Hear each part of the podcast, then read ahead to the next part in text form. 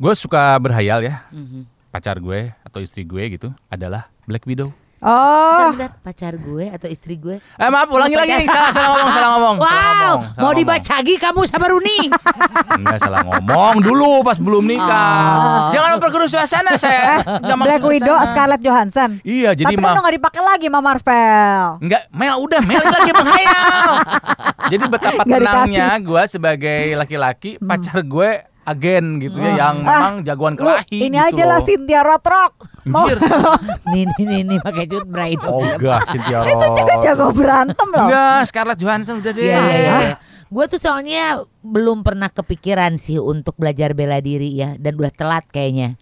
It's never Umur too late. sekarang. Coba kita tanya Coba nih kita sama tanya Mutia Espan yang adalah instruktur Women Self Defense juga penulis buku Women Self Defense. Halo Mut. Halo. Kita selamat pagi. eh, aku Pagi, sama Rona, nih. ah, Rona sama Tika nih di umur segini kalau belajar self defense too late gak? Em, boleh, tapi yang tai chi aja ya, tai chi. Ya, tai chi. Dilempar pakai tenaga dalam maksudnya. Eh, kita tuh baru umur 26, lu jangan underestimate ya. Oh iya, oke oke oke oke Eh, oke. Tapi eh, aku tanya dulu nih, Mutia sendiri sebetulnya eh, bela diri apa yang kamu Latar bisa? belakangnya. Mm-mm. Aku basicnya pencak silat. Oh, Di Iko pencak Uwais. Iko Iko Iya, Uwais. Jago. Kalau Tika basicnya pencak gabus ya. Makanan, Pak. Makanan. Itu enak loh. Oke, terus pencak silat. Nah, sekarang kamu memang fokus untuk eh, ngajarin perempuan-perempuan self defense gitu ya, Mut?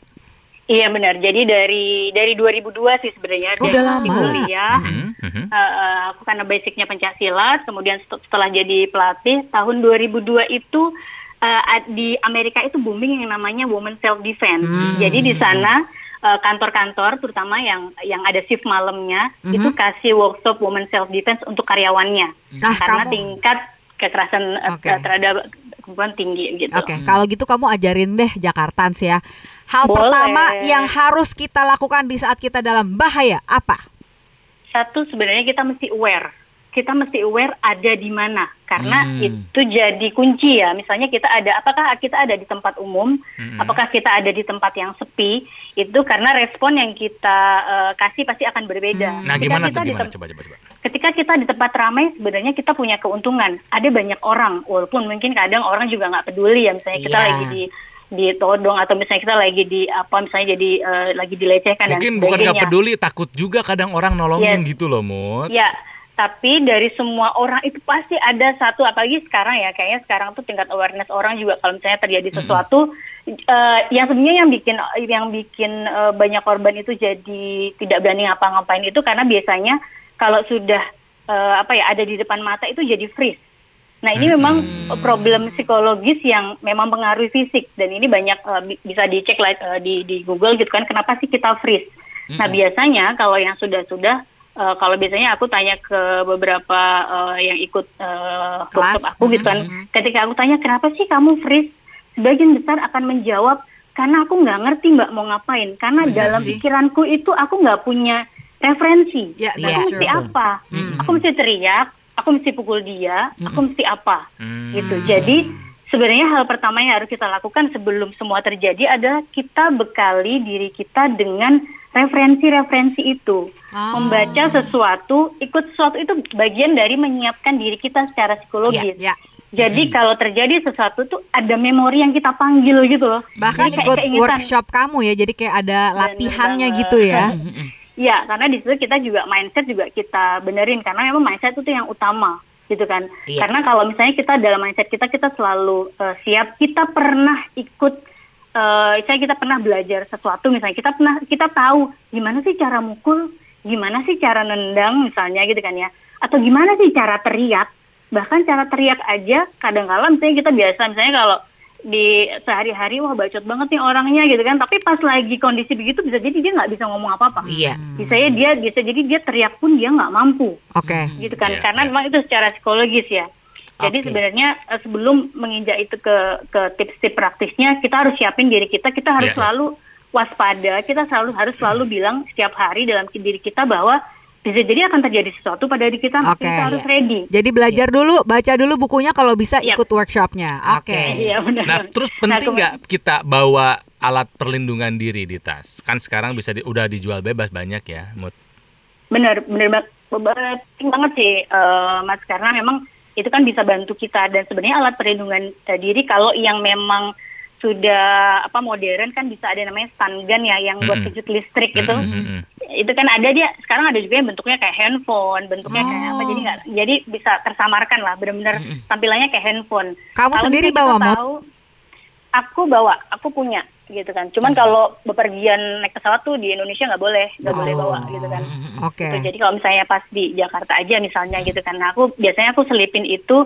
Kalau misalnya kita tahu, oke saya hari ini mau naik bis umum, jalurnya kayaknya eh, apanya agak rawan, Rawan. dan sebagainya, Hmm. kantongin. Hmm. Dan itu harganya nggak mahal kok, paling di di marketplace juga banyak gitu kan. Dari nggak ada yang harganya nggak nyampe seratus ribu Oh yang gitu. eh, yang apa namanya agak kecil wattnya gitu kan atau juga Ya. ada yang gede banget kayak center gitu juga ada tuh Kalau yang besar gitu kan. jangan yang murah Jakarta karena kalau mau nyetrum penjahat harus nyolok dulu itu ribet. Habis baterainya. Aduh. gitu Oke. jadi kita kita mesti aware kita mau ke mana nih jadi kalau misalnya kita eh, memang tempatkan tempat yang rawan ya kita bawa atau misalnya kita bisa juga pepper spray yang Nah. semprotan merica itu Iya, Itu juga juga nggak punya lo gue. Sultan merica. nah itu juga di marketplace ada atau kita bisa bikin sendiri sebenarnya Hmm. jadi bikin Kayak sendiri bikin sendiri ya. Yes, aja jadi jadi. dari sprayer-sprayer yang kan ada tuh yang dijual sprayer kosongan ya.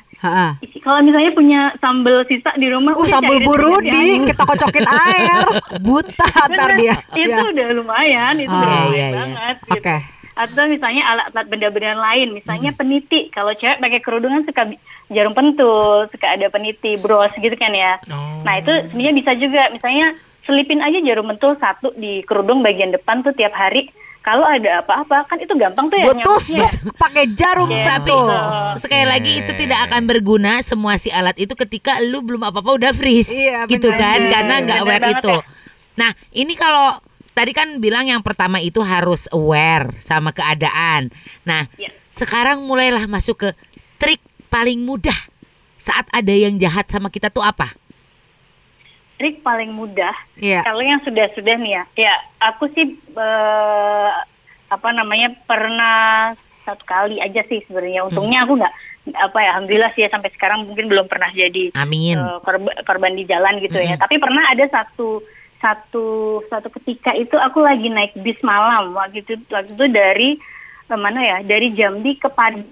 Itu aku naik bis malam itu full, bisnya full. Dan aku pas agak belakang gitu sebelahku itu eh apa namanya cowok gitu kan masih apa namanya masih bocil-bocil gitulah gitu kan kayaknya gitu kan. Udah nih aku udah biasanya kan kita kalau naik bis malam kita pasti tidur ya. Karena kan kalau bis malam pasti berangkatnya kan malam.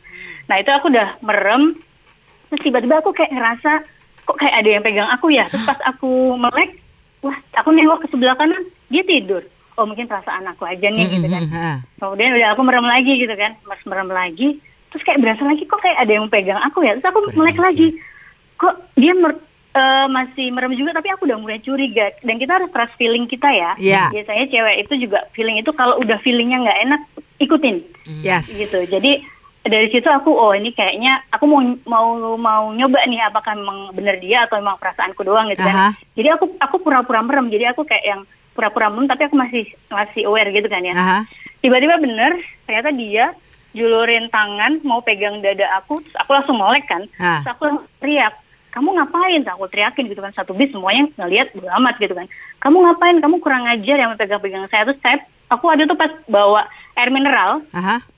Itu aku eh, buka aku siram ke dia terus aku pukulin ke dia. Dan anehnya adalah dia diem aja. Jadi kayak yang dia mungkin malu takut apa gimana gitu kan. Terus aku langsung bilang sama eh, orang di depan aku ada bapak-bapak aku langsung bilang pak saya mau tuker tempat duduk ya. Ini cowok ini kurang ajar tadi dia mau pegang-pegang saya. Gitu. Akhirnya udah eh, Dia gak diturunin gitu dari kan ya. busnya. nggak diturunin dan supir busnya ya udah dia masih selo aja. Yang lain tuh cuman yang oh biasa kurang ajar cuman gitu aja tapi ya udahlah bisnya Ketika jalan gitu kan. pindah ke belakang si bapak dipegang sama Bapak kan juga punya dada ya. Ah, Iya, sama. Jadi kalau bisa dilihat pertama kali mah teriak dulu aja kalau banyak Ya. ada orang sekitar mah ya. Oke. kuncinya satu gini sih Mhm. kita harus lebih kelihatan lebih galak dibandingkan dia kita harus Hmm. lebih kelihatan lebih berani Hmm. dan biasanya memang kalau misalnya dia lihat eh, korbannya cewek ini lebih lebih Ngelawan ga- gitu ya. galak, Mm-mm. lebih ngelawan itu sekitar 70% itu mereka eh, langsung jiper gitu sih, lagu- Oke. langsung jiper dan mundur. Nah, soal teriak. Laki-laki boleh dong teriak. Boleh. Pertanyaan kamu, kamu kok suka malu ya kalau teriak ya? ya makanya makanya daripada dianggap cemen mending yaudah dipalak aja deh gitu. Dia aneh dasar. Nah masalahnya kadang mereka berkomplot. Kita kan harus ngukur itu juga. Nah ini makanya harus perbanyak referensi. Iya. Jangan sampai Iya. kita merasa berani ngelawan, cuman satu eh komplotannya banyak. Nah, Aware itu, sama sekitar ah, juga memang. Jadi harus punya Yes. sp- spider sense kita itu ya. Mm-mm. Iya, bos, spider sense. Nah, kalau nih kita jadi korban kejahatan mood, ya amit-amit sih ya, tapi kan seperti yang kamu bilang harus di prepare in your mind. Apa yang harus Yes. kita lakukan ya? Kalau kita udah jadi victim gitu. Udah kejadian, udah Ah, kejadian. mm. Hmm. Udah kalau kita sudah jadi eh, victim, satu hal yang pertama, ini memang butuh proses, tapi Mm. semua perempuan harus tahu bahwa ketika dia jadi korban, maka dia adalah korban. Dia Hmm. tidak akan pernah jadi pihak pelaku dalam artian bukan dia yang salah gitu. Hmm, Dia jangan korban. disalahin. Ya. Nah itu itu satu mindset yang harus dimiliki setiap setiap eh, korban ya, Hmm. karena banyak yang kemudian konsultasi ke aku dan sebagainya, dia merasa aku malu mbak, aku jadi korban. Aku selalu bilang kamu korban, kamu nggak boleh malu, Hmm. kamu itu yang dilecehkan, kamu itu yang dirugikan gitu kan. Oke lah masyarakat secara umum memandang bahwa korban itu selalu oh ketika lo jadi korban berarti lo begini ya, berarti lo begini ya dan Soalnya sebagainya. suka ada orang yang ngomong, iya sih, abis lu pakai bajunya kayak gitu sih mengundang. Nah, Hmm. kan Jadi, menyebalkan ya itu ya eh, Mut ya. Yes, itu satu hal yang harus di- dihilangkan. Jadi kita harus mikir, kita harus lebih mementingkan diri kita, kita sendiri. Bodo amat lah orang mau bilang apa, mereka nggak akan ada ketika tidak akan membantu kita dalam proses kita healing, ketika kita Iya, mengobati betul. trauma kita dan sebagainya. Maka satu hal yang pertama adalah eh, kalian harus lebih mencintai diri kalian sendiri. Hingga hal pertama yang harus kita kalian lakukan adalah harus ngomong sama orang, Hmm. harus cerita sama orang Oke. misalnya oke oke, mungkin misalnya nggak trust aduh kalau datang ke kantor polisi ntar ditanya-tanya nggak ya ntar Ngomongnya ke sosial media. Sekarang mah nah itu ngomong ke sosmed. Diviralkan. itu jadi sebenarnya ngomong saat sama orang yang paling dipercaya gitu minimal kita dengan kita cerita ke- cerita kejadian itu tuh mengobati sekian persen dari trauma yang nantinya akan muncul gitu karena banyak orang yang yang trauma mendalam ketika dia jadi korban dan sebagainya itu karena ketika kejadian dia nggak berani cerita jadi bisa jadi ceritanya tuh 10 tahun kemudian dua tahun Mm-mm. kemudian Iya, iya, iya, ya, iya. gitu jadi udah dipendem duluan Nah, Oke. itu yang Dan beberapa malah- kasus kan kalau udah lewat masanya udah nggak bisa Di diproses lagi gitu. Benar gitu. Jadi cerita sama orang yang kita percaya, baru kemudian dis- eh, diskusikan mau apa.